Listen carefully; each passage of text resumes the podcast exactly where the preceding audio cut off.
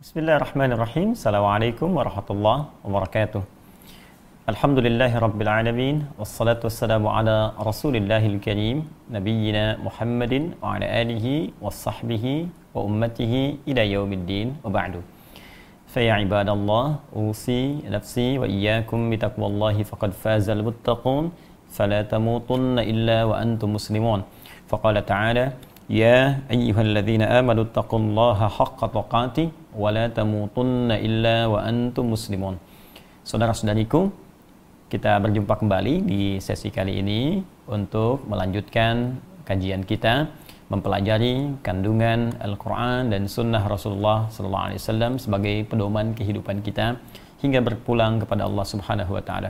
Sebelumnya kita bermohon kepada Allah Subhanahu Wa Taala semoga kita semua dirahmati, diberikan ampunan, disehatkan dan terkhusus semoga Allah berkenan mengangkat musibah COVID-19 atau virus corona yang sekarang kita tengah hadapi bersama Semoga sebelum Ramadan seluruhnya tuntas sehingga kita bisa menunaikan siam Ramadan di tahun ini dengan penuh kenikmatan lebih daripada tahun-tahun sebelumnya.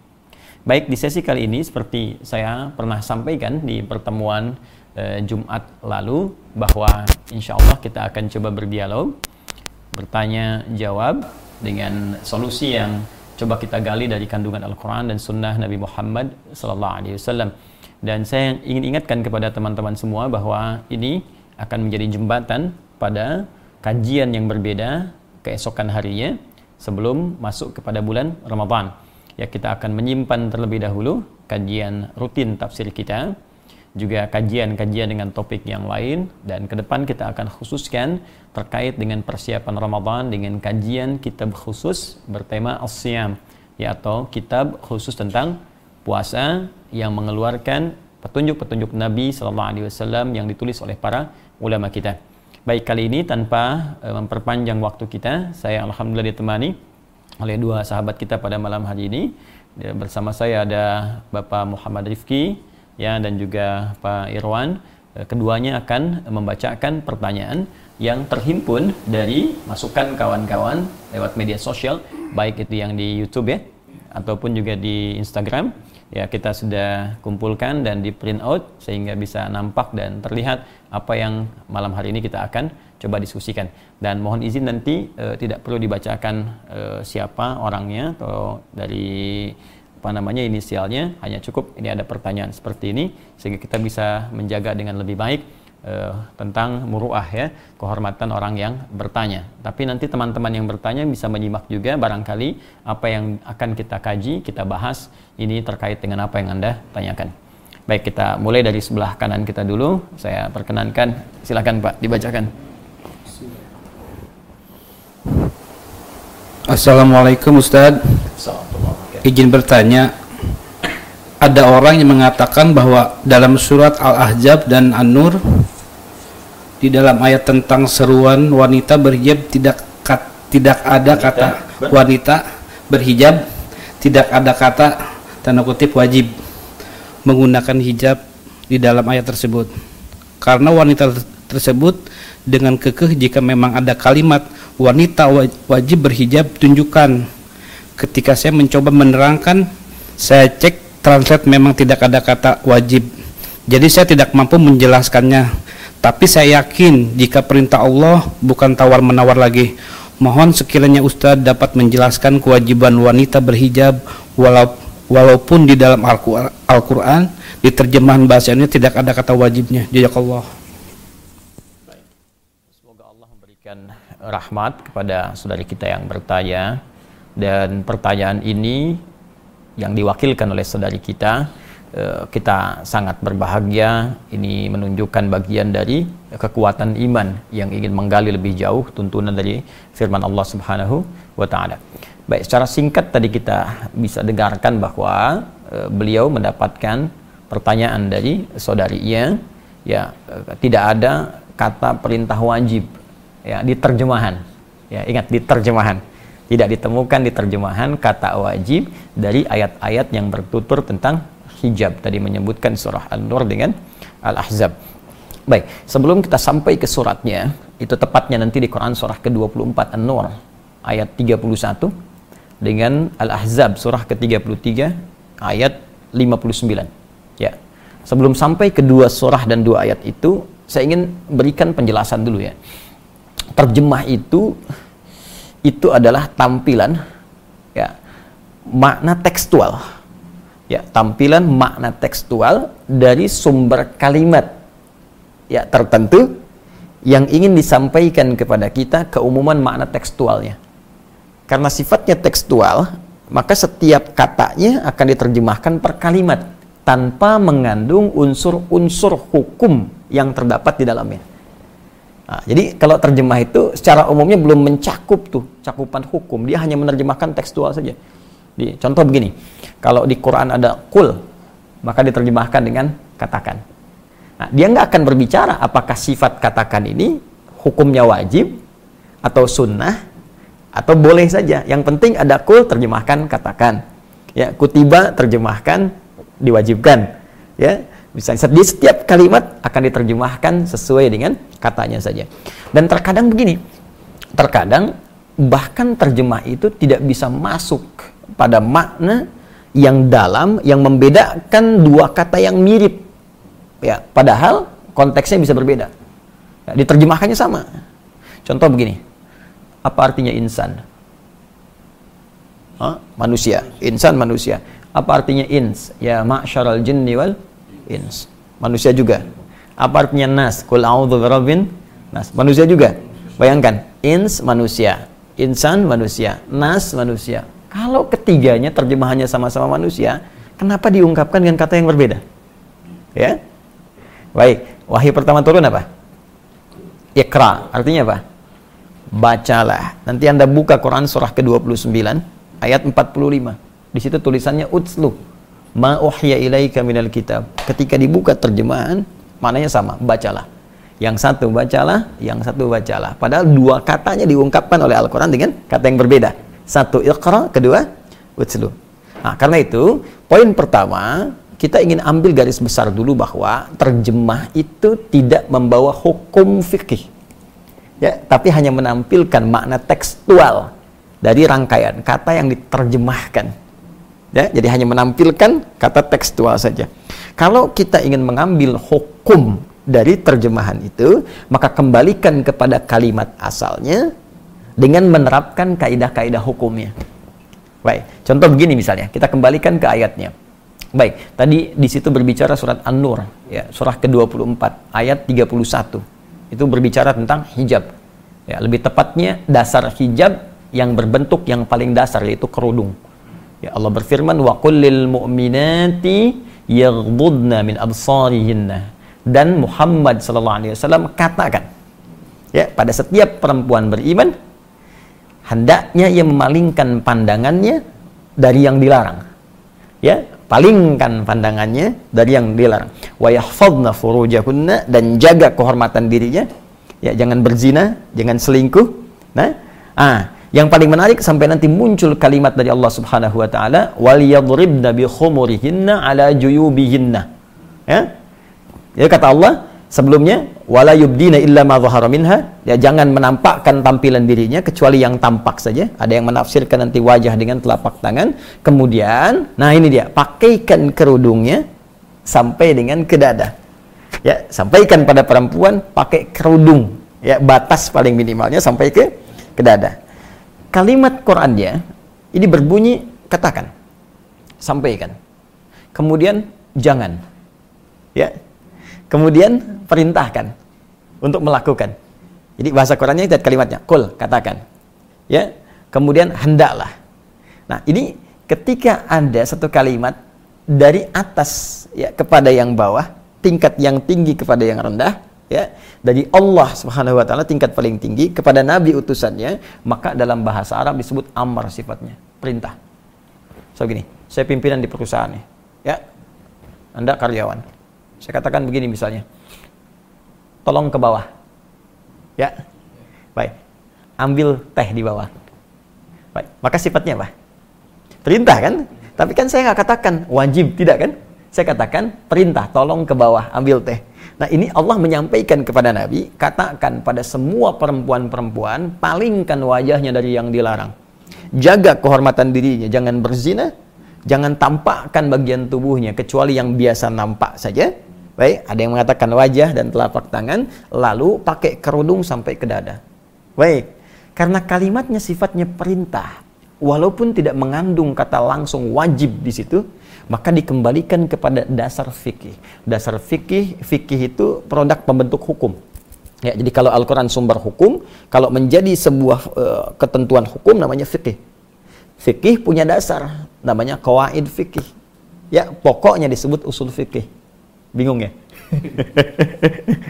Oke, karena itu nggak mudah. Jadi kalau belum paham kaidah, jangan bicara hukum. Ini biarkan ulama, ya. Sama kayak kita nyari obat kan kita tanya dokter, ya. Terus dibikin ramuan. Jadi jangan semua orang bisa ngasih obat, ya. Semua ada ada spesialisasinya. Nah, maka di usul fikih ini ada kaidah berbunyi begini: al aslu fil amri lil wujub hatta yadullad dalilu ala khilafi. Ya, asal makna sebuah perintah itu mengandung hukum wajib. Jadi tidak harus kalimatnya langsung berkata, saya wajibkan. Muhammad katakan pada umatmu, saya wajibkan. Tidak. Jadi setiap ada unsur perintah, ya maka sifatnya wajib. Setiap ada unsur larangan, lah jangan. Ya, jangan itu kan perintah untuk meninggalkan, disebut larangan. Perintah mengerjakan, perintah meninggalkan. Perintah meninggalkan disebut nahyun, larangan. Perintah mengerjakan disebut amrun, lakukan. Ya, maka sepanjang ada kalimat dari Allah kerjakan, lakukan itu sifatnya perintah. Maka dalam kaidah dasar fikih, dasar hukum Islam, jika ada nada perintah maka sifatnya wajib. Kecuali ada keterangan lain yang menjadikan kewajiban itu turun tingkat hukumnya menjadi sunnah atau mubah standar. Nah, contoh poligami. Kenapa ketawa? Kenapa ketawa?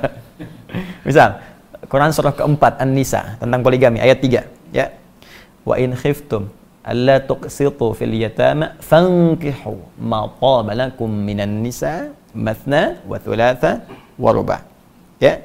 Jika engkau khawatir ya tidak mampu berlaku adil pada anak-anak yatim ini ketika engkau ingin menikahinya ya dalam hal perawatannya maka perintah sifatnya nikahi kata Allah.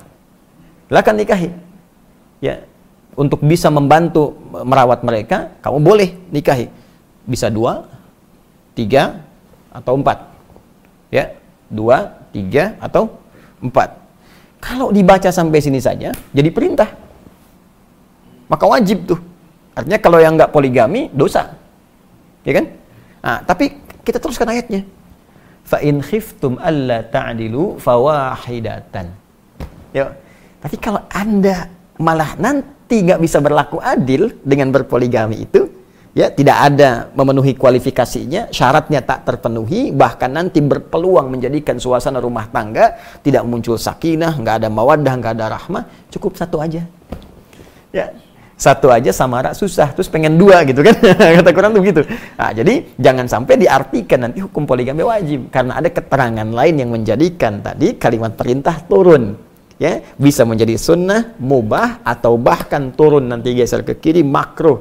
Ya kalau dikerjakan jadi buruk misalnya atau muncul suasana yang dilarang oleh Allah Subhanahu wa taala.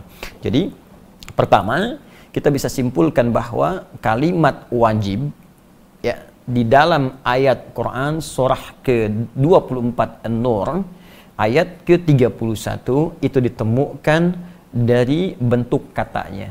Ya dalam bahasa Al-Qur'an yaitu sigot kalau dalam bahasa Arab dari unsur bentuk katanya yang berupa perintah. Sedangkan perintah diartikan sebagai wajib. Jelas sampai sini? Nah itu baru kerudung. Ini yang paling pokok dasar. Jadi bagi perempuan itu sekecil-kecilnya berkerudung Nah, ya, jadi kalau sekecil-kecilnya berkerudung, batasnya sampai dada. Ya, cuma kan gini, di zaman Nabi itu dulu uh, belum ada mukena seperti kita sekarang. Ya, kain boleh jadi terbatas. Jadi kalau muncul perintah sholat misalnya, ya, atau misalnya ini ketiup angin sedikit bisa terbuka dan sebagainya, kan? Nah ini karena itu dalam hal tertentu muncul kejadian uh, ada sebagian perempuan malam-malam mau ke toilet diganggu oleh preman-preman di awal masa Islam. Di preman sudah ada dulu. Nah, cuman pada taubat. jadi kalau sekarang masih ada preman telat gitu ya, telat. Nah, jadi diganggu Nah, saat diganggu dilaporkan pada Nabi esoknya turunlah Quran surah ke 33 Al-Ahzab ayat 59. Ya Allah berfirman, "Ya ayyuhan nabi, qul li azwajika ya wa banatika wa nisa'il mu'minin yudnina 'alaihinna min jalabibihinna." Ya, wahai Nabi SAW, katakan, perintahkan. Nah, kul, katakan, perintahkan. Ya, kepada istri-istrimu, anak perempuanmu, dan perempuan beriman di mana pun. Imannya dipertaruhkan Dipertaruhkan. Apa yang dikatakan di sini? Mulai sekarang rendahkan. Ya. Jilbabmu, kerudungmu itu rendahkan jilbabnya. Jadi jadi menutup lebih bawah lagi. Ya. Asa an yu'rafna fala. Dengan demikian dikenali, nanti kamu nggak diganggu lagi. Jadi ayat ini ingin menegaskan uh, kerudung yang dipakai itu sebagai identitas bagi seorang muslimah. Yang kedua penanda kekuatan iman, ya kan? Yang ketiga, kalau sudah mengenakan begitu, maka muslim-muslim pria-pria mesti peduli. Kalau diganggu, mesti dilindungi. Ini sebetulnya jilbab itu, itu Allahu Akbar, sayang Allah. Jadi bukti cinta Allah kepada perempuan beriman, itu diturunkan jilbab. Asalnya supaya nggak diganggu gitu. Di saking sayangnya Allah pada setiap perempuan beriman, jangan diganggu perempuan beriman. Ya. Dari mana kita tahu ya Allah dia beriman? Lihat, berjilbab gak? ini identitas pertamanya. Di sepanjang Anda menemukan yang berjilbab diganggu, bantu mereka. Ya, kesulitan, bantu mereka. Itu itu asalnya. Jadi ketika diturunkan itu untuk meringankan perempuan, bukan untuk menyulitkan. Ya. Yang kedua pertanda iman. Jadi yang ketiga ini memudahkan dalam syariat. Jadi kalau dilonggarkan itu longgar, nanti kalau di Arab kan nggak ada mukena tuh. Jadi dia bisa langsung dipakai untuk sholat sekaligus langsung. Ya. Nah, seperti ini. Jadi serendah-rendahnya menggunakan kerudung, ya rendah itu bukan menunjukkan rendah tidak, karena nanti ada beberapa aktivitas yang memang sulit dikerjakan dengan menggunakan jilbab panjang. Maka paling minimal sedada itu.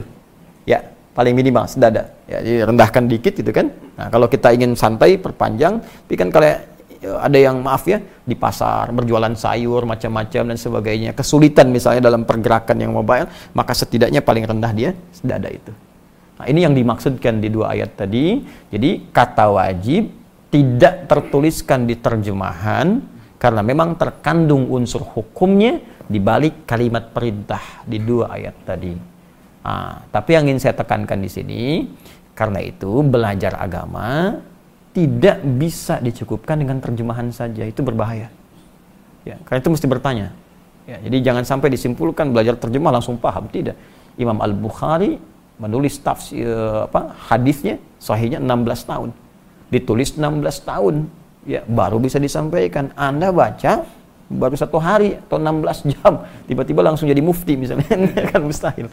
Ya jelas ya ya, ya saya kira jelas ya pemirsa di mana anda berada jadi kesimpulan cepatnya kata wajib bila pun tak terdapat secara tekstual terjemahan bukan berarti hukumnya hilang kewajiban tapi dilihat dari makna yang terkandung di dalamnya. Jika dia berbentuk perintah, maka menjadi wajib. Jika kewajiban itu diikat dengan syarat-syarat atau kondisi tertentu, maka hukumnya bisa berubah sesuai dengan kadar perintah yang dimaksudkan. Wallahu taala adam bissawab. Silahkan, bergantian coba yang selanjutnya, apalagi. Assalamualaikum warahmatullahi wabarakatuh Ustad Salam. Izin bertanya Begini Ustad, saya umur 16 tahun Ayah saya orangnya suka mabuk-mabukan dan main judi. Duit hasil main judi itu diberikan kepada ibu saya dan dibelikan kebutuhan makan. Jadi saya sekeluarga mau tidak mau memakan uang itu. Karena dari anggota keluarga saya belum ada yang bisa menghasilkan uang sendiri. Sedangkan jika kita memakan uang itu, hidayah atau rahmat sulit sampai di keluarga. Pernah sekali ibu saya membeli Al-Quran, tapi saya tidak tahu apakah uang yang dipakai dari ayah saya atau tidak. Tetapi Al-Quran tersebut saya baca sampai sekarang. Pertanyaannya, bagaimana jika kami sekeluarga memakan uang tersebut sedangkan kami tidak bisa mencari uang sendiri? Apakah Al-Quran yang saya baca tetap menghasilkan pahala atau tidak? Karena dibeli menggunakan uang hasil judi ayah saya. Terima kasih Ustadz. Baik. Saya ingin bacakan dulu hadis Nabi sallallahu alaihi wasallam dan bagi teman-teman yang mengaji kumpulan hadis dasar ya ada 42 hadis yang dikumpulkan tentang pokok-pokok agama oleh Al Imam An Nawawi diberi nama Al Arba'in kisaran 40-an ya. Di antara kumpulan itu ada mengutip kalimat Nabi sallallahu alaihi wasallam yang menyebutkan tentang seorang lelaki. Thumma dzakara rajula. Nabi mengisahkan seorang lelaki yutilus safara yang menempuh perjalanan panjang. Ash'atha aghbara sampai ia terkena debu ya. Jadi dulu kan belum ada mobil seperti kita sekarang. Jadi ini menunjukkan dia melakukan perjalanan panjang. Ya, sehingga sudah berdebu gitu wajahnya. Kemudian ya muddu yadaihi ila sama, dia mengangkat tangannya ke langit. Ya, fayaqulu ya Rabb, ya Rabb. Dan dia mulai membuka doanya dengan menyebut al-asmaul husna. Ya Rabb, ya Rabb. Tiga perbuatan ini seharusnya cepat mengabulkan doa. Karena memenuhi tiga unsur cepatnya doa dikabulkan. Satu, doa yang dipanjatkan dalam perjalanan jauh itu cepat dikabulkan oleh Allah Subhanahu wa taala. Apalagi perjalanan menuju tempat yang baik untuk mengerjakan perbuatan baik. Ya, misal umrah, ya, haji di pesawat, banyak berdoa, banyak tobat. Perjalanan ke majlis ilmu, ya, banyak berdoa, itu cepat dikabulkan. Bahkan khusus untuk majlis ilmu itu langsung ada hadisnya di Ibnu Majah itu, ya nomor hadis 233 ya dari sahabat Abu Darda. Ya, Nabi SAW menyampaikan man salaka tariqan yaltamisu fihi ilma sahalallahu lahu tariqan ila jannah ya wa innal malaikata la tadau ajnihataha ridan li talibil ilmi. Ya. Uh, orang yang menempuh perjalanan untuk menuntut pengetahuan walaupun sedikit itu akan dihitung oleh Allah untuk memudahkan langkahnya ke surga. Dan kalau penuntut ilmu ini mengetahui, sejak dia mulai berangkat, malaikat membentangkan sayapnya, memberikan ridho kepadanya. Di antara makna ridho itu adalah mengaminkan doanya. Ya, bahkan hatal hitan alati fil bihar sampai ikan-ikan yang di laut itu itu pun memohonkan ampunan kalau kita mengetahui hadis selesai. Ya, jadi ini perjalanan panjang. Yang kedua, hadis tentang mengangkat tangan seperti ini. Ya, jadi semakin kita ingin memohon mengangkat tangan jadi menyatukan seperti ini. Dua ya begini ya. Ah, nanti kalau semakin tinggi lagi seperti istisqa semakin tinggi. Nah, ini ada hadis mengatakan ketika seorang mengangkat tangan itu doanya lebih cepat dikabulkan oleh Allah dibandingkan dengan yang diam. Ya innallaha hayyun karimun. Ya sungguh Allah itu punya sifat malu yang dalam dan sangat mulia dan akan merasa malu jika seorang hamba mengangkat tangannya dengan berdoa lantas tidak mengabulkannya. Ini ini kalimat ini muncul dari Nabi ketika seorang bertanya begini, "Ya Rasulullah, kalau saya mengangkat tangan berdoa dikabulkan nggak?" Ya. Terus kata Nabi begini, "Bagaimana kalau ada di antaramu meminta kepadamu dengan mengangkat tangannya? Kira-kira bagaimana?" Ya. Saya minta, "Pak, tolong Pak, tolong Pak." Kata orang tadi, sahabat tadi, "Ya saya malu kalau nggak ngasih." Maka kata Nabi, Allah punya sifat maha malu dan lebih mulia. Maka akan sangat merasa lebih malu kalau ada hamba bermohon tapi nggak diberikan. Dengan mengangkat tangan nggak diberikan. Dua. Tiga, al-asma'ul husna. Orang yang berdoa dengan memulai al-asma'ul husna akan lebih cepat dikabulkan doanya dibandingkan dengan yang tidak menyebutkannya.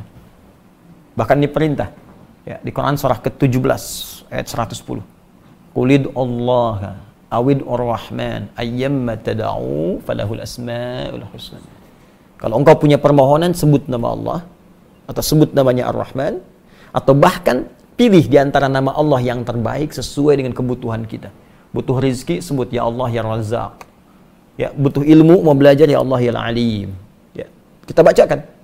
Nabi Zakaria membaca bermohon kepada Allah dengan menyebutkan dulu nama Al-Asmaul Husna minta keturunan padahal divonis beliau sudah sepuh, rambut memutih, fisik letih, istri maaf divonis secara klinis mandul dan monofus. Memohon kepada Allah diabadikan di Quran surah ketiga ayat 38. Ya, Hunalika da'a Zakaria rabbah qala rabbi. Ya, hunalika da'a Zakaria rabbah qala rabbi habli min ladunka dzurriyyatan thayyibah. Di mihrabnya Nabi Zakaria berdoa kepada Allah mengatakan rabbi habli dari kata Al-Wahhab, pemberi tanpa batas. Ya Allah, mereka mengatakan aku punya keterbatasan, mohon engkau yang merawatku, yang tahu kebutuhanku, engkau memberi tanpa batas. Maka tunjukkan kepada mereka dengan sifat yang tak ada batasnya, anugerahkan hamba keturunan. Dikabulkan. Innaka sami'un doa. Orang tadi melakukan ketiganya, menempuh jalan jauh, ngangkat tangan, dan menyebut Allah Subhanahu Husna. Harusnya tiga kali lebih cepat dikabulkan dari orang biasa. Apa jawab Nabi? Anna yustajabu lidzalik. Doanya mustahil dijawab kata Nabi. Gak bisa dijawab. Bingung sahabat kok kok bisa? Ya, apa jawab Nabi? Famat'amu haram. Makanannya haram.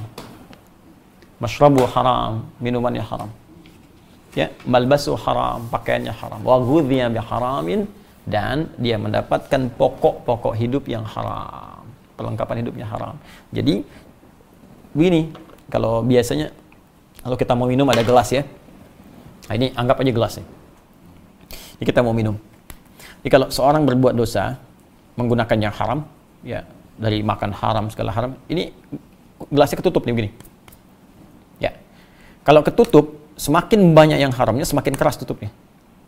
Kalau ketutup seperti ini, bukankah kita mau masukkan apa aja susah gini? Nah, jadi bukan Allah nggak mengabulkan doanya, cuma karena ketutup begini mental. Sedangkan sifat doa itu kalau diminta kan pasti dikabul. Ya di Quran surah kedua ayat 186. Ya wa idza sa'alaka ibadi anni fa inni qarib. Ya. Muhammad sampaikan pada hambaku kalau mereka mencari-cari aku, katakan gak usah dicari aku dekat. Saya tanya, apa motif hamba kalau nyari Allah? Cuma dua. Kalau nggak tobat, mau minta doa. Rata-rata begitu.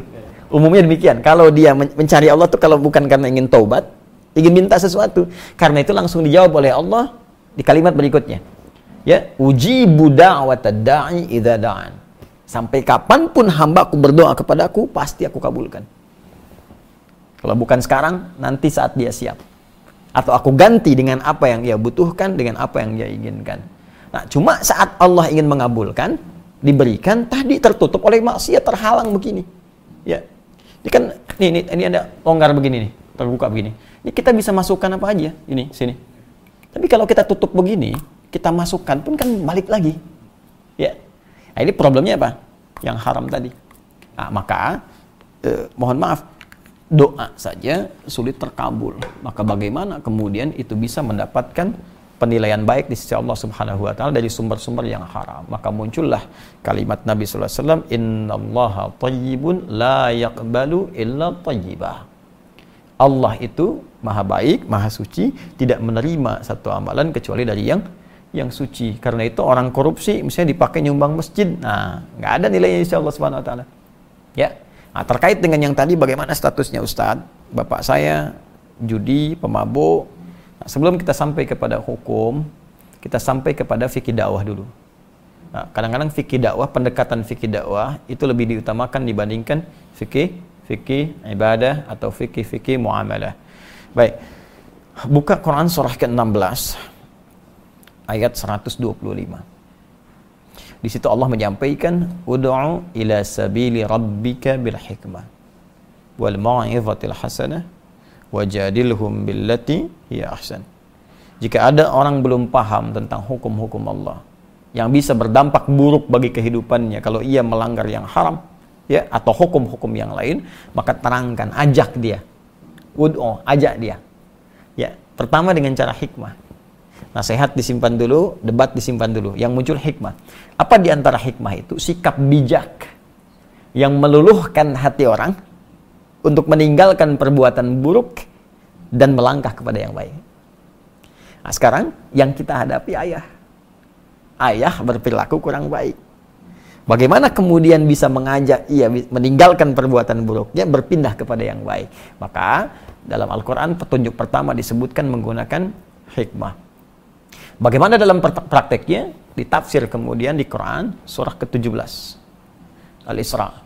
Kita bisa buka dari ayat 23 sampai dengan ayat 27. Ya, paling kiri dari tengah sampai ke bawah. Wa qadha rabbuka alla ta'budu illa iya wa bil walidaini ihsana. Allah telah menetapkan ya supaya engkau semua menjadikan Allah sebagai Tuhan yang harus disembah, tidak yang lainnya, dan berbakti maksimal kepada kedua orang tua. Apa di antara bakti yang pertama kali dilakukan? Banyak berdoa. Rabbirhamhuma kama rabbayani saghira. Maka mulai dengan doa dulu. Saya sarankan eh, adik kita ini perbanyak sholat malam dulu. Ya, kalau perlu bangun ya di keluarganya, ajak ibunya. Ya, ajak kemudian adiknya kalau punya adik. Bangun semua tahajud, minta kepada Allah.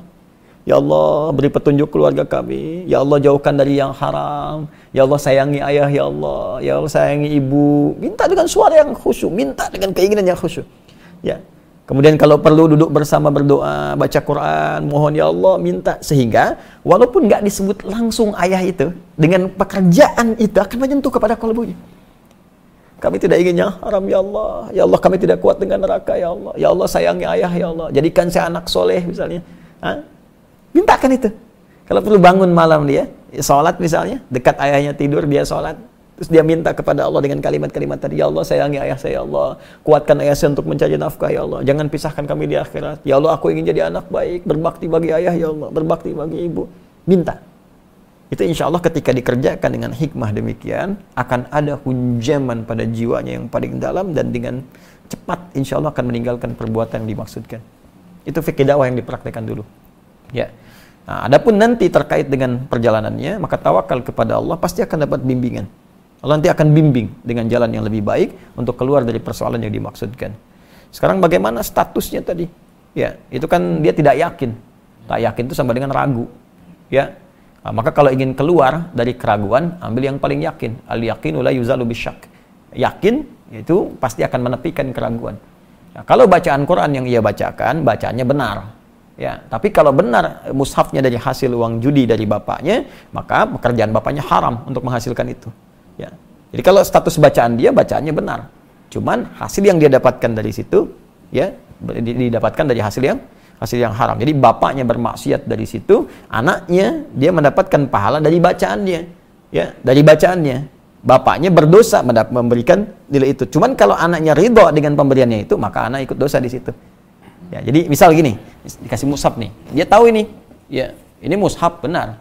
Tapi dari hasil judi misalnya, dia ridho dengan ini. Gambaran ridhonya ridho dari hasil dari bapaknya, sedangkan bapaknya berjudi, maka bacaan yang dibacakan tidak melahirkan pahala. Ya. ya kalau dia terima misalnya dia dapat nih, dia dia masih ragu.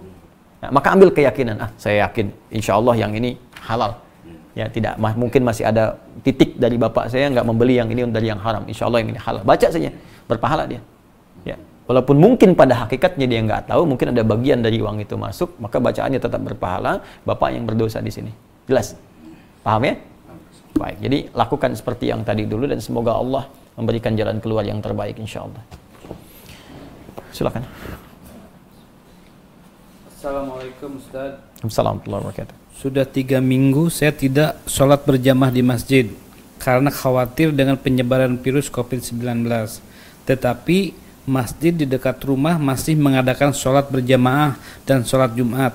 Bagaimana hukumnya Ustadz? Saya tinggal di Jakarta Barat yang Jakarta. sudah termasuk ya, Jakarta Barat. Jakarta Barat yang sudah termasuk zona merah COVID-19. Ya.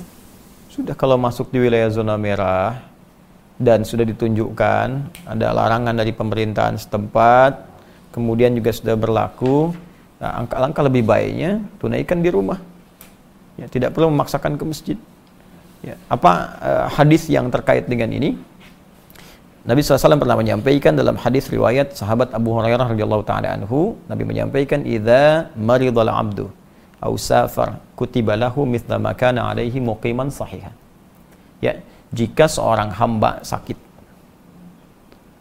atau sedang dalam perjalanan atau dalam kondisi tidak bisa memungkinkan menunaikan amalan rutinnya karena kondisi tertentu.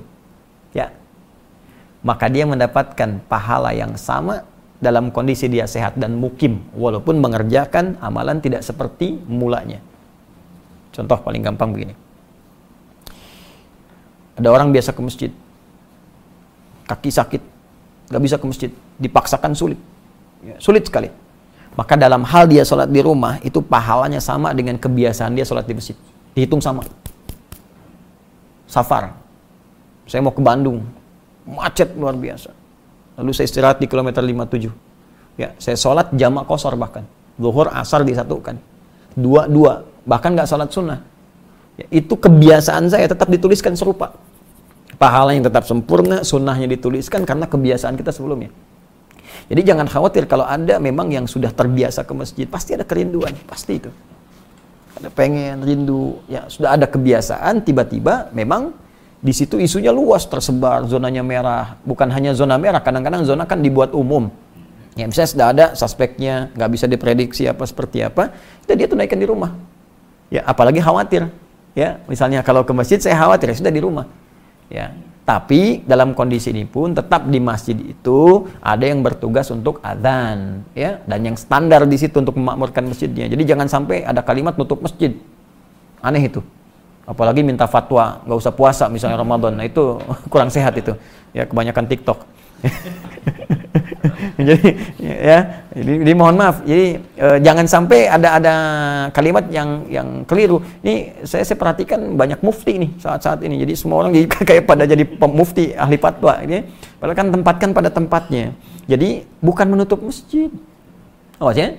Hanya mengalihkan berjamaah ke rumah bagi wilayah yang terdampak.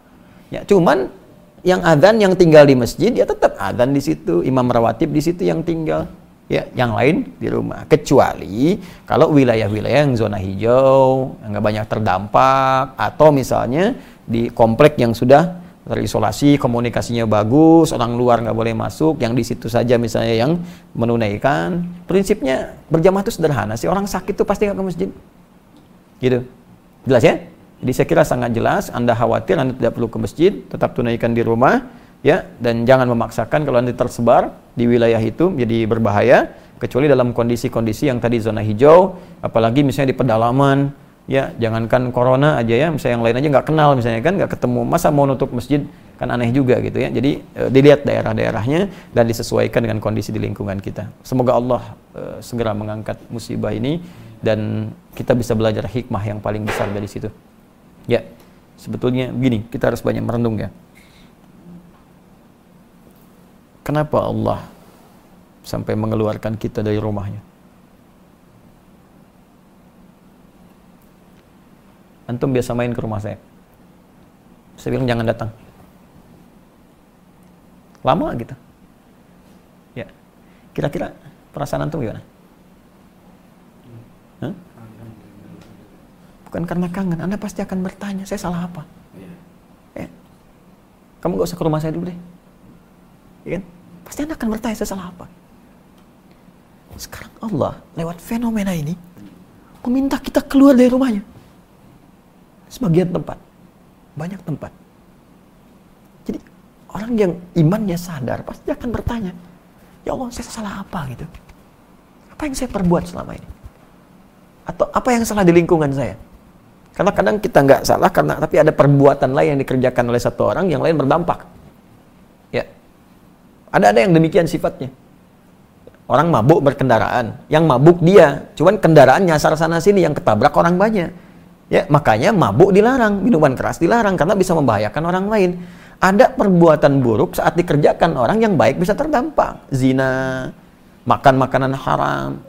Memang ente yang zina, ya. Tapi perbuatan Anda itu bisa berdampak kepada banyak orang.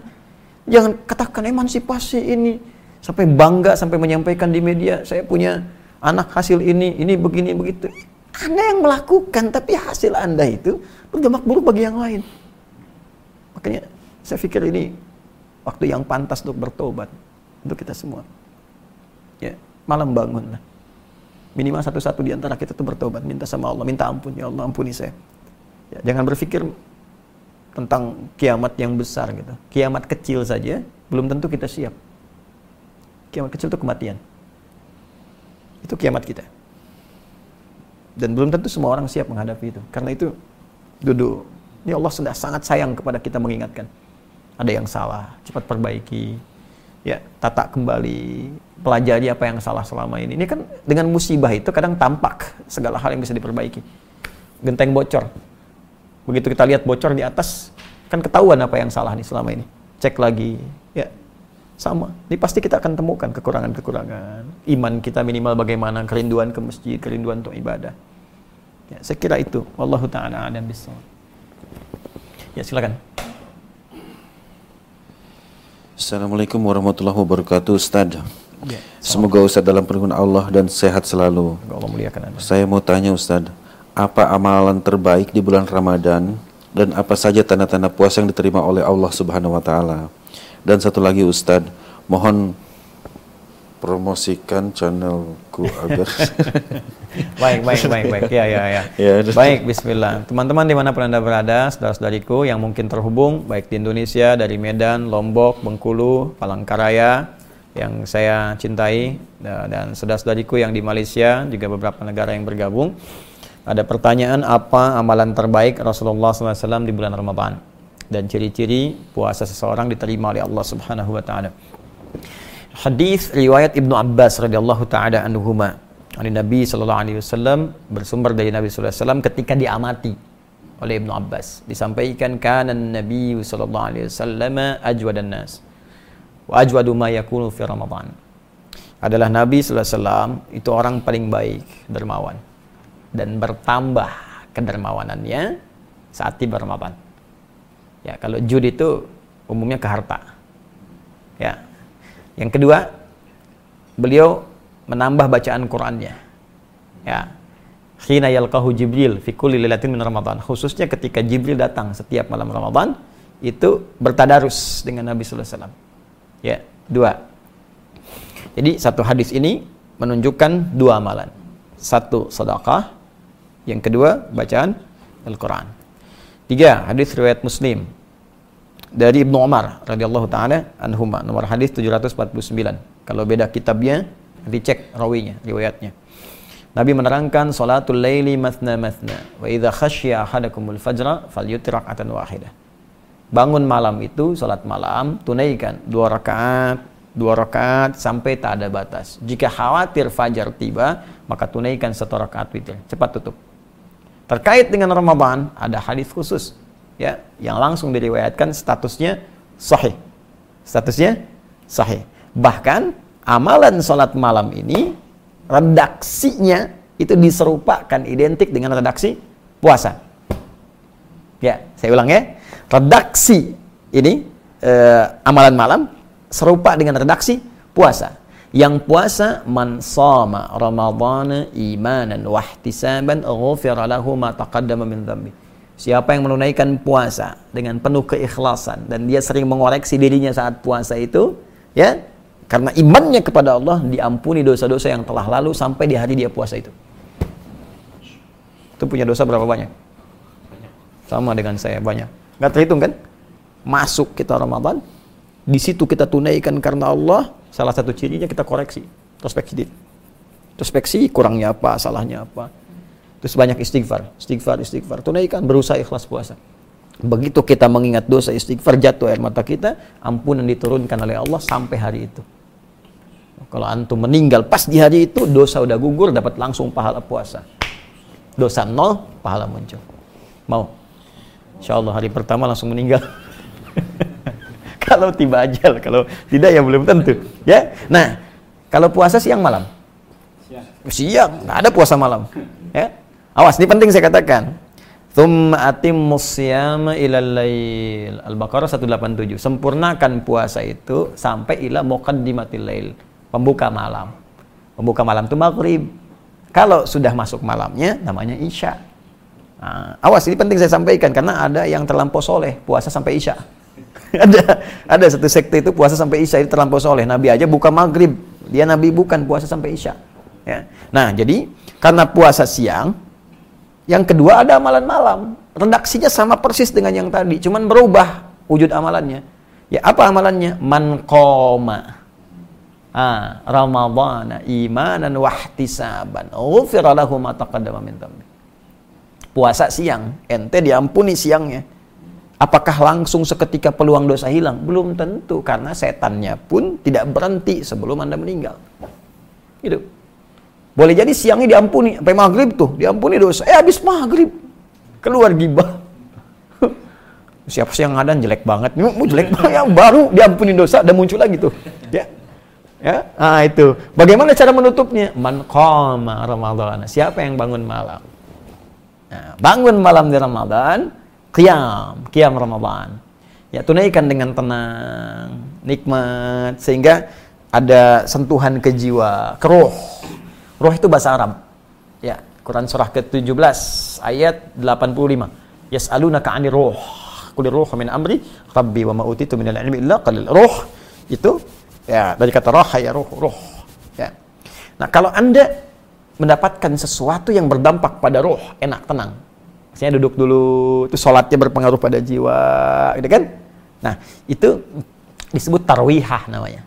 Tarwihatun. Jadi saat sholat ada getaran ke jiwa enak, terus istirahat sebentar, sholat lagi tarwihah. Kalau berkali-kali dijamakan namanya tarawih. Nah, kan? Baik, malam Ramadan ada sholat apa? Tarawih. Nah, tarawih itu sifatnya. Jadi tunaikan sholat dengan tenang. Ya, ada dampak ke jiwa, itu maksud tarawih. Ya. Jadi kalau kita punya getaran ke jiwa, tenang, nyaman, nah itu sifatnya disebut apa? Tarawih. Kalau dalam sholat itu sampai kita tobat, sujud, doa, begitu tobat jatuh air mata, diampuni dosa sampai malam itu. Dari semua perjalanan hidup kita sampai di situ. Nah, itu disebut tarawih. Nah, jadi jangan tergesa-gesa. Ya, ada orang sholat 11 rakaat satu jam. Masa yang 23 7 menit? Allah Akbar. Ya. Nah, itu ya. Nah, jadi walaupun secara fikih mungkin bisa benar, tapi nilai tarawihnya bisa hilang.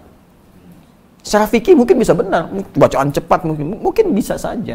Tapi nanti ada beberapa bagian-bagian yang hilang. Tumanina apa dan sebagainya ya nggak usah jauh-jauh Nabi aja kan nggak begitu gitu. Ya, pelan-pelan. Nah, kembali kepada tadi, jadi amalan apa yang dikerjakan saat Ramadan? Kita rinci tadi. Ya, masih ingat yang pertama tadi kan ada dua, sedekah. Ya, karena itu siapkan dari sejak sekarang. Tabungan kita pelan-pelan. Tidak harus uang, makanan ya. Yang kira-kira nanti bisa dikonsumsi. Sekarang banyak saudara-saudari kita terdampak dengan situasi sekarang itu. Yang kekurangan makanan, berbagi itu, berbagi, terapkan kita bikin program yang amin itu, Ansar Muhajirin itu ya. Alhamdulillah teman-teman di mana pun anda berada, kami telah kirimkan bagian pertama ke saudara-saudari kita Indonesia yang ada di e, Malaysia sudah sampai, semoga bermanfaat dan juga untuk teman-teman kita coba bersabar ya dalam situasi ini. Saya sarankan semua yang Allah titipkan sehingga terasa lebih. Bukan kaya ingat. Awas ya, awas yang kaya itu Allah, Anda cuma dapat titipan dan itu dihisab oleh Allah Subhanahu wa taala. Jadi sebelum itu dipindahkan pada orang lain, gunakan secara baik ya untuk memberikan kebaikan kepada keluarga kita, keluarga terdekat dan yang jauh samping-samping kita. Bersinergi. Nah, kata Nabi, ayo berbagi saat Ramadan walaupun cuman sehirup air, satu kurma. Ya, itu itu bahasa majas ya. Jangan gini misalnya aqua satu sedot udah ini kan kok cuma sedot? Ya hadis nabi kan tidak. Ya jadi itu itu majas kiasan ya batas kiasan lah. Jadi walaupun air kita bagikan ya kurma kan kurma nggak harus dimasak lagi ya. Jadi bisa langsung. Tapi yang matang ya jangan kurma yang mentah itu kan oh ini kok mentah ya tunggu sampai buka mungkin matang tidak begitu ya jadi kasihkan yang bisa dikonsumsi jadi satu sedekah nilainya tinggi kemudian Quran Ya Nabi aja sampai hatam Ramadan itu sekali. Ketika akan wafat dua kali hatam. Ya tadarus pahami artinya ya dengan baik, baca dengan bagus. Yang ketiga tadi salat malam hidupkan. Ya, itu amalan di antara yang dianjurkan Nabi Shallallahu alaihi wasallam dan ada kalimat muhasabah. Muhasabah itu introspeksi diri, ya, minta ampunan dari dosa. Yang kelima memperbanyak doa. Perbanyak doa itu ada di Quran surah kedua dalam rangkaian ayat Ramadan ayat 186 memperbanyak doa pada Allah. Tobat, perbanyak doa. Nanti ada buku saya tentang makna ayat puasa. Itu membahas ayat puasa dari ayat Al-Baqarah 183 sampai 187. Dan setiap hurufnya. Saya ya ayyuhalladzina amanu ya berapa kali disebutkan di Quran maknanya apa dan sebagainya sampai ayat 187. Jadi secara singkat itu amal-amalannya yang terakhir apa tandanya puasa seseorang diterima oleh Allah Subhanahu wa taala? Tanda paling singkatnya ada perubahan pada nilai takwanya.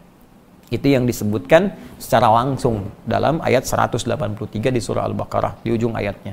Ya ayyuhalladzina amanu kutiba alaikumusiyam kama kutiba alal ladzina min qablikum la'allakum tattaqun. Hai orang-orang beriman, diwajibkan atas kalian menunaikan ibadah puasa seperti orang dulu pernah menunaikannya. Tujuan puasa itu supaya kalian menjadi orang takwa. Orang takwa. Kemarin saya bahas kan di pertemuan yang lalu. Apa manfaatnya jadi orang takwa? Bisa banyak bahagia. Wattaqullaha la'alakum tuflihun. Apa manfaat takwa? Bisa mudah hidup. Wa may yattaqillaha yaj'al lahu makhraja. Rizki mudah wa yarzuqhu min haitsu la yahtasib. Ilmu meningkat wattaqullaha wattaqullaha yu'allimukumullah. Dosa diampuni, ya. Yukafir anhu sayyiati. Jadi dihapuskan dosa-dosa itu orang takwa. Nah, jadi kalau dia berhasil puasanya, maka ketakwaannya meningkat. Apa ciri takwa itu? Kembali ke Al-Baqarah yang kemarin kita kaji keimanan meningkat, salat menjadi rajin, alladzina yu'minuna bil ghaib, ya wa yuqimuna shalah, salatnya jadi rajin. Sebelum puasa, mohon maaf, hanya yang fardu-fardu. Saat puasa dilatih menunaikan sunnah. Gini gini. Anda makan tiap hari pakai kerupuk selama sebulan. Selesai. April selesai kerupuk sampai 30 hari. Bulan Mei pertama kali makanan saya hidangkan, cuman kerupuknya saya nggak kasih. Kira-kira komen pertama apa? Mana kerupuknya? Ada kerinduan kan?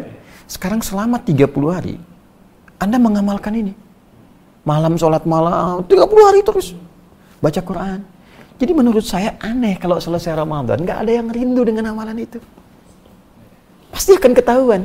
Makanya puasa itu luar biasa. Dahsyat puasa itu. Puasa itu sangat dianjurkan oleh para ulama melihat pada asarnya, dampaknya. Di puasa itu satu-satunya amalan yang bisa menggabungkan amalan-amalan lain sekaligus mencegah orang berbuat dosa saat puasa. Ya. Coba saat pua saat tidak puasa ada orang minta belum tentu diberi padahal depan mata. Saat puasa jangankan di depan mata, yang tak kelihatan di data berapa fakirnya di sini, berapa miskinnya. Pengen sedekah, fitrah. Saat tidak puasa, jangankan sholat sunnah. Sholat fardu tertinggal, masih biasa. Bagi sementara orang. Saat puasa, jangankan sholat fardu tertinggal sunnah, gelisah. Betapa banyak ibu-ibu, mak-mak dulu dan sekarang, rebutan saf pertama untuk tarawih. Sampai nyimpan sejadah. Ya, mengkapling tempat dengan sejadah untuk tarawih. Bukan isanya. Ya, punten abi di dianya itu untuk tarawih itu. Ya. Apa hukum tarawih? Sunnah kan? Tuh. Tapi berdampak nggak setelah itu? Ya. Dan puasa itu bisa mencegah orang maksiat. Orang korupsi bisa libur dulu puasa. Pencuri nggak nyuri dulu. Ya. ya pembohong nggak bohong dulu. Karena ada ada dorongan dalam jiwanya, takut batal minimal puasanya. Setelah puasa, hilanglah kebiasaan buruknya itu. Makanya saya sering katakan pemarah pun saat puasa itu bisa nggak marah. Antum pemarah misalnya, marah. Buka jam 6. 6 kurang seperempat, ada yang provokasi. Dasar begini, begini, begini, begini, begini. Diam aja antum. Istri nanya, Pak, tumben gak marah? Habis maghrib tar. nah itu ya. Nah, jadi ciri-ciri puasa itu bertambah ketakwaan dengan ukuran amal soleh. Karena takwa tidak disebutkan dalam Al-Quran kecuali bersanding dengan amal soleh. Ya puasa ujungnya takwa, haji dibuka dengan takwa al-hajju asyurun ma'lumat faman farada fihin al-hajja fala rafatha wala fusuqa wala jidana fil hajj wa ma taf'alu min khairi ya'lamuhu Allah wa tazawwadu fa inna khairaz zadi taqwa Al-Baqarah 197. Salat takwa, haji takwa, umrah takwa, puasa takwa. Jadi orang takwa itu cirinya melekat pada amal salehnya. Ya. Allah taala adam. Bisa. Masih ada? Masih ada. Masya Allah. Tadi mana ini? Tadi ini atau itu? Ini. Oh, sana. Ayo, saya, saya. Tadi ini kayaknya. Pertama kan Anwar jilbab. Ini kan kemudian yang mabuk tadi ke sini puasa. Nah, berarti ini lagi. Ya. Assalamualaikum Ustaz. Assalamualaikum.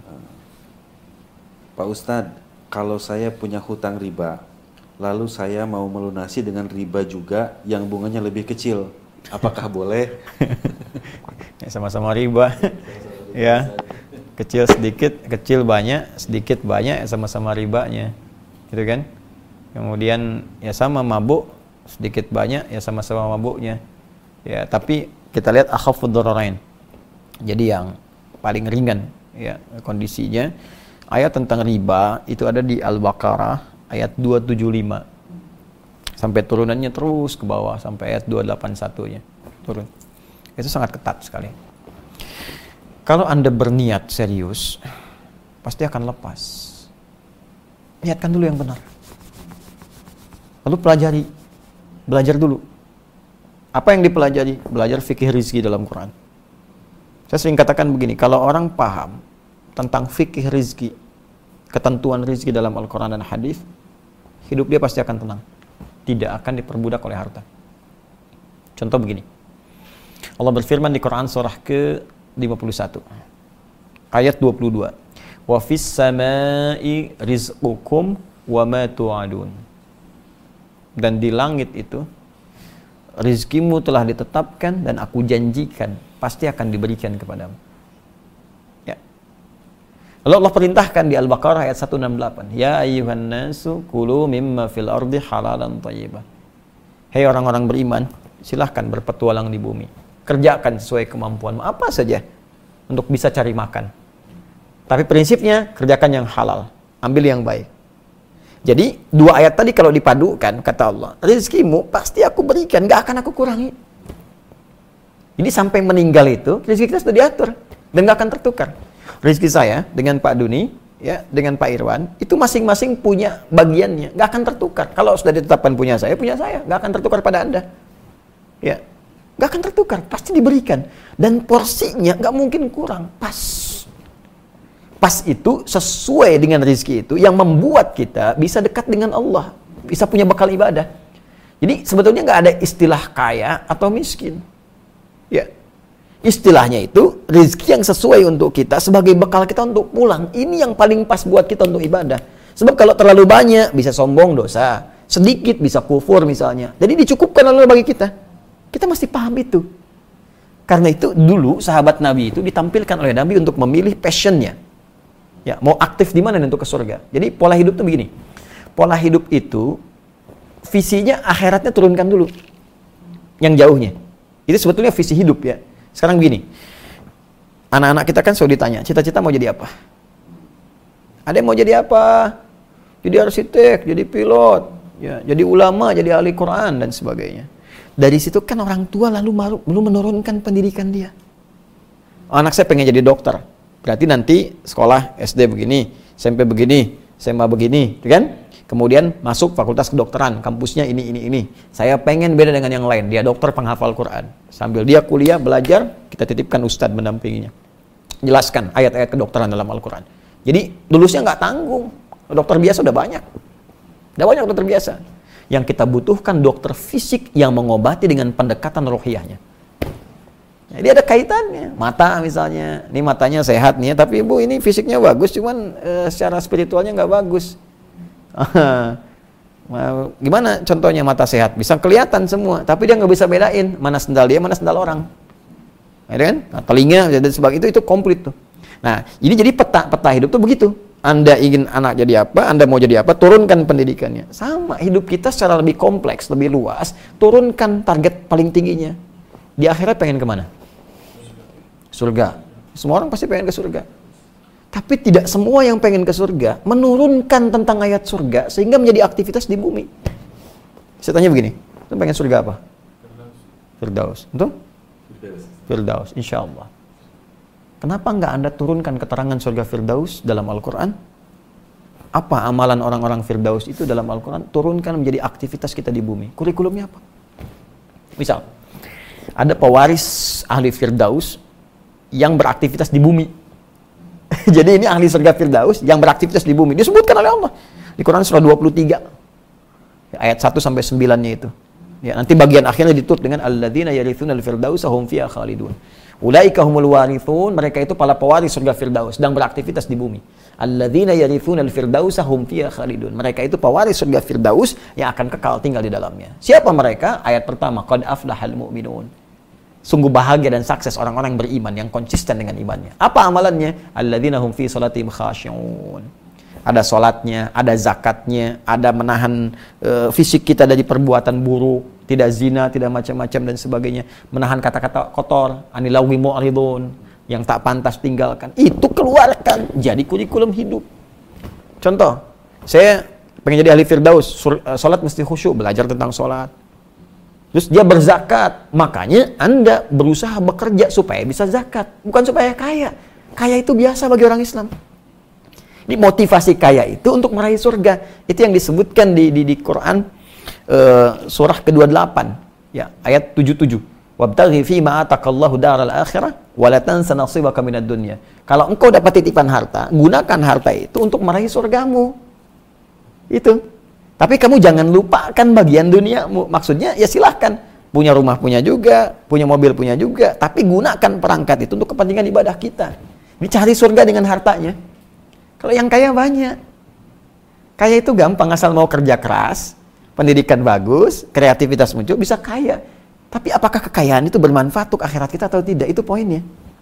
Ya, silahkan subuhan pakai Ferrari, duhur Lamborghini, silahkan ada masalah. Tapi arahnya itu untuk untuk untuk ibadah gitu. Ini petakan. Nabi sampaikan siapa yang mau jadi pengajar silahkan.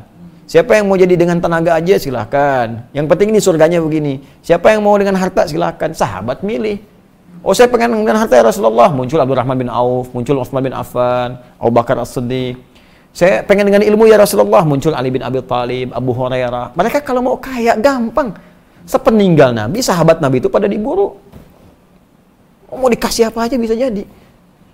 Bilal, saya pakai tenaga aja Rasulullah.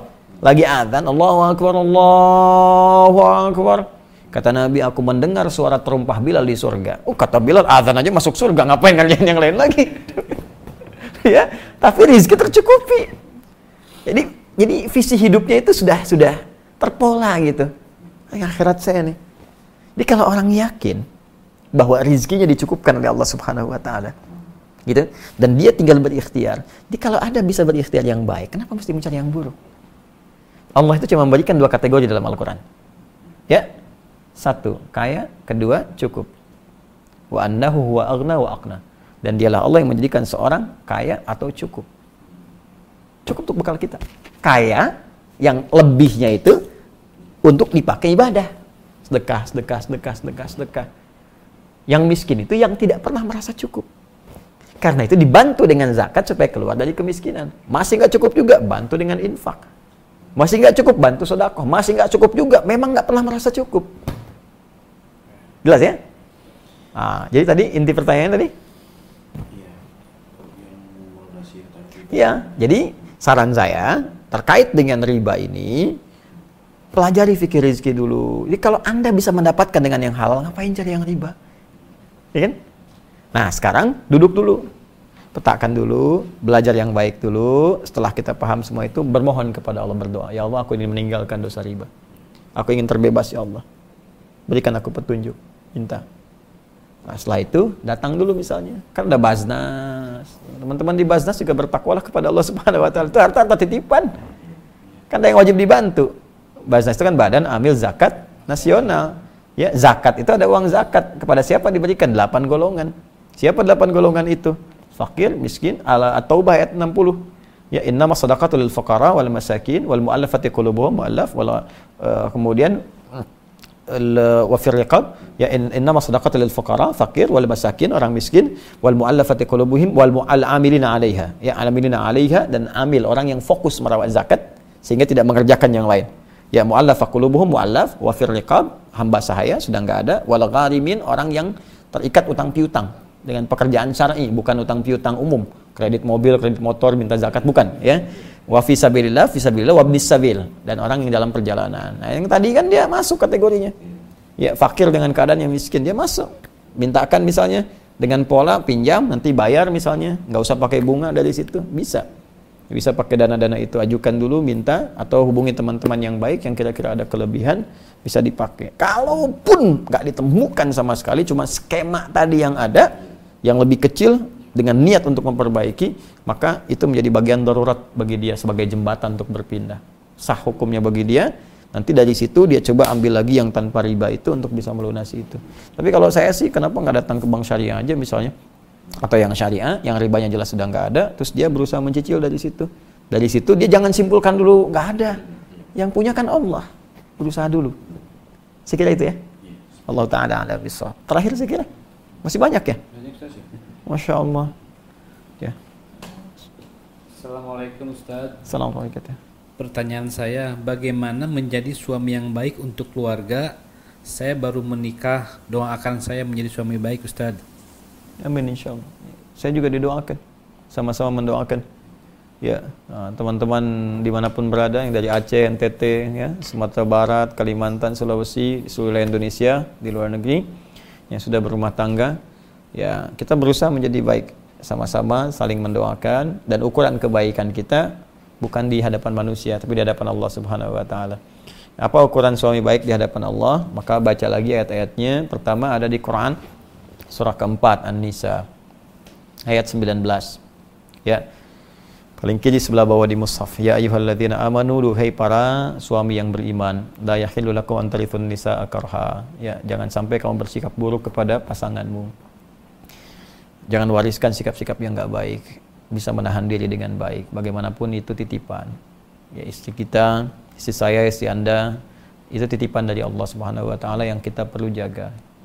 Bagaimanapun akan dipertanggungjawabkan di akhirat kelak. Dia tidak dititipkan pada pria lain kecuali kepada Anda tentunya untuk dijaga diperlakukan dengan baik ya. Jadi kita belajar menjadi baik dan saling memahami. Setiap kita pasti ada kekurangan. Kalau ingin sempurna ya nggak akan didapatkan. Hanya malaikat yang sempurna. Ya kalau mau silakan nikah dengan malaikat maut malaikat Israel tuh ada ya. Yang lainnya tapi nggak ada yang sempurna ya. Nggak ada yang sempurna. Setiap kita pasti punya kekurangan sepanjang masih manusia. Jadi kalau suami mengerti istrinya manusia tentu tidak akan mengeksplorasi ke kekurangannya. Begitian sebaliknya, demikian sebaliknya. Ya, asa takrahu syai'an wa yaj'alallahu fihi khairan katsira di ujung ayatnya. Boleh jadi kita tidak menyukai satu sikap tertentu dari istri atau istri kepada suami, tapi di balik itu ada pelajaran besar untuk menyempurnakan sifat-sifat kita. Makanya agak menarik, biasanya kalau dipasangkan itu akan terlihat saling melengkapi. Jadi memang kekurangan kita itu hanya bisa dilengkapi oleh istri kita. Demikian sebaliknya. Ya. Kemudian yang kedua, tunaikan kewajiban dengan baik. Ya, apa kewajibannya? Ada di ayat 34 di surah An-Nisa. Ar-rijalu qawwamuna 'alan nisa bima faddalallahu ba'dahum 'ala ba'din wa bima anfaqu min amwalihim. Ya, lelaki itu kawam, menjadi pelindung, pengarah di keluarganya, mataharinya. Ya, apa fungsi matahari? Menyinari. Sinar itu kan kalau ada pakaian basah disinari kering kan? Ha, hangat melindungi, maka lindungi. Kalau ada yang mengganggu isi keluarga sengat dia ya, dengan sinarnya ya ada air mata ya keringkan di pipinya dengan sinar-sinar kebaikan itu. Jadi pemimpin yang baik itu maksudnya. Makanya laki-laki diibaratkan dengan matahari. Nabi Yusuf pernah bermimpi ya ini ra'aitu ahada asyara kawkaba wa syamsa wal qamara ra'aituhum li sajidin jadi saya melihat di mimpi saya sebelas gemintang satu matahari satu bulan semua sujud. Maka ditafsirkan sebelas itu saudaranya ya beliau dua belas bersaudara sebelas saudaranya matahari bapaknya Nabi Yakub alaihissalam kemudian bulan ibunya Ya, ibu, ya perempuan itu rembulan. Apa fungsi rembulan? Eh? Bulan itu untuk dilihat keindahannya. Ya, pantulan cahayanya kan keluar. Kalau pengen lihat indah kan rembulan. Kalau pengen lihat kekuatan ya matahari. Nggak ada orang pengen lihat matahari keluar tidak.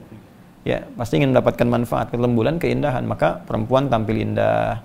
Ya, jangan kebalik. Perempuan ngambil fungsi matahari. Dengan kekuatan bulan aku menghukummu misalnya.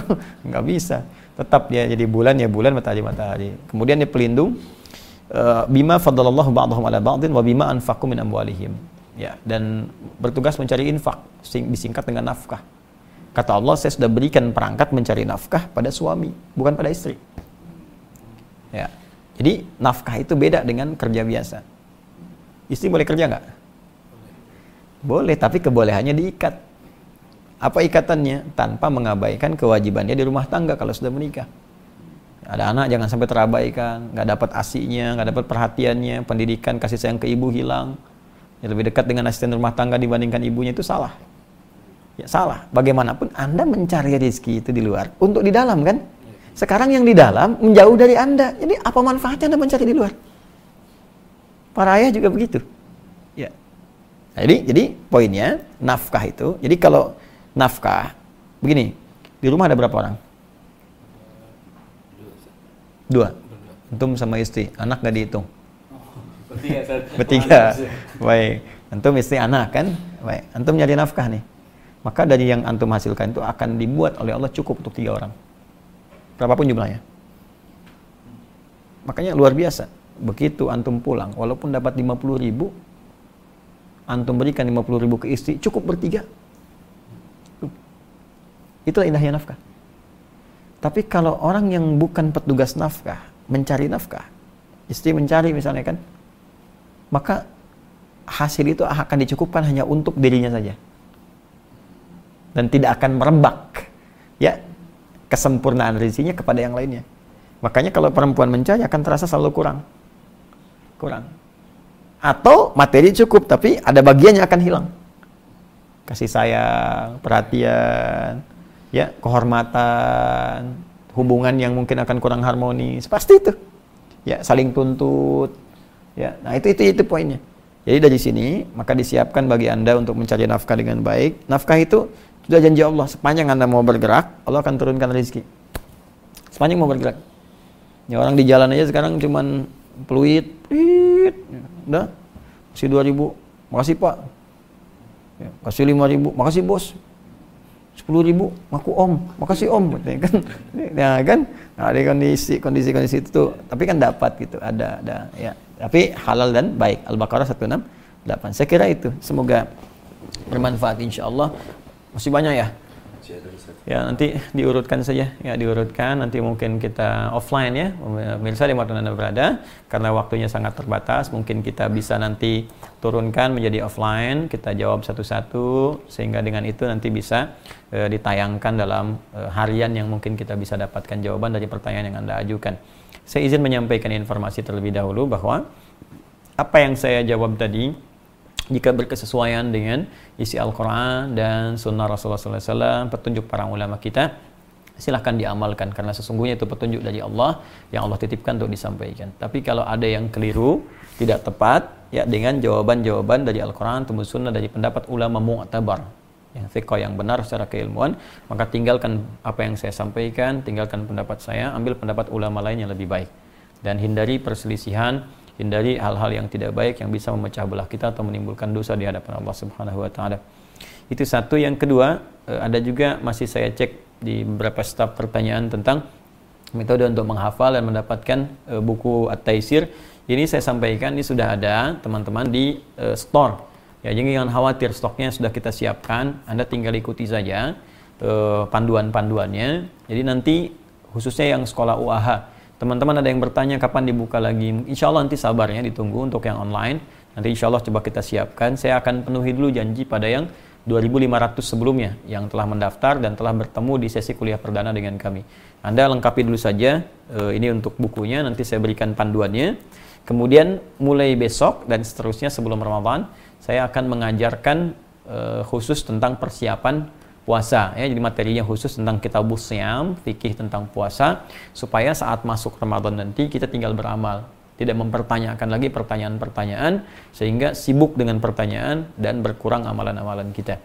Kemudian untuk e, selanjutnya teman-teman apa yang terhimpun di Amin ya e, di program kita yang Ansor Muhajirin Anda masuk ke web amin.quantumakhir.com di situ ada beberapa program-program.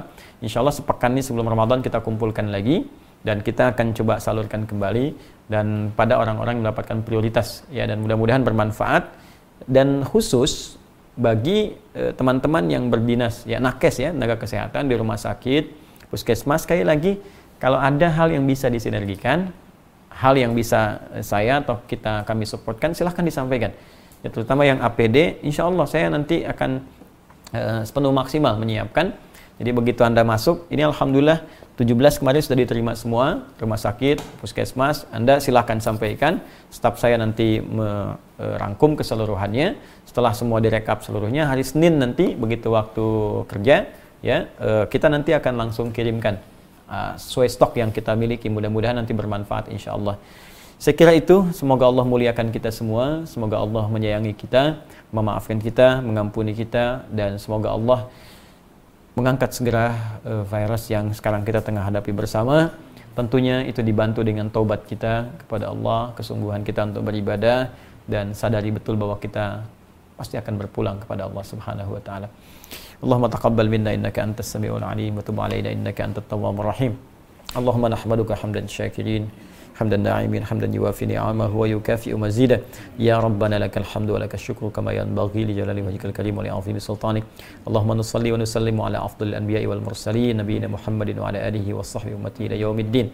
اللهم ربنا لا تدع لنا في مقامنا هذا وفي كل مقام ذنبا إلا غفرته ولا هما إلا فرجته ولا دينا إلا قضيته ولا مريضا إلا شفيته ولا حاجة من حوائج الدنيا والآخرة فيها لك رضا وفيها لنا الصلاة إن قضيتها يا أرحم الراحمين.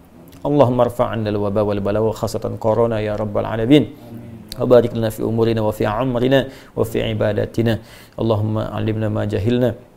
اللهم وافقنا بما تعلمنا ولنعمل ما تعلمنا به. اللهم اجعلنا من أهل القرآن واجعل القرآن صحيبا لنا في الدنيا وشفيعا لنا في الآخرة يا رب العالمين. ربنا آتنا في الدنيا حسنة وفي الآخرة حسنة وقنا عذاب النار. بفضلك سبحان ربك رب العزة عما يصفون وسلام على المرسلين وآخر دعوانا سبحانك اللهم وبحمدك أشهد أن لا إله إلا أنت نستغفرك ونتوب إليك والحمد لله رب العالمين Terima kasih kami ucapkan, semoga bermanfaat. Salam untuk semua. Adi Hidayat, Assalamualaikum warahmatullahi wabarakatuh. Ya, kasih banyak ya.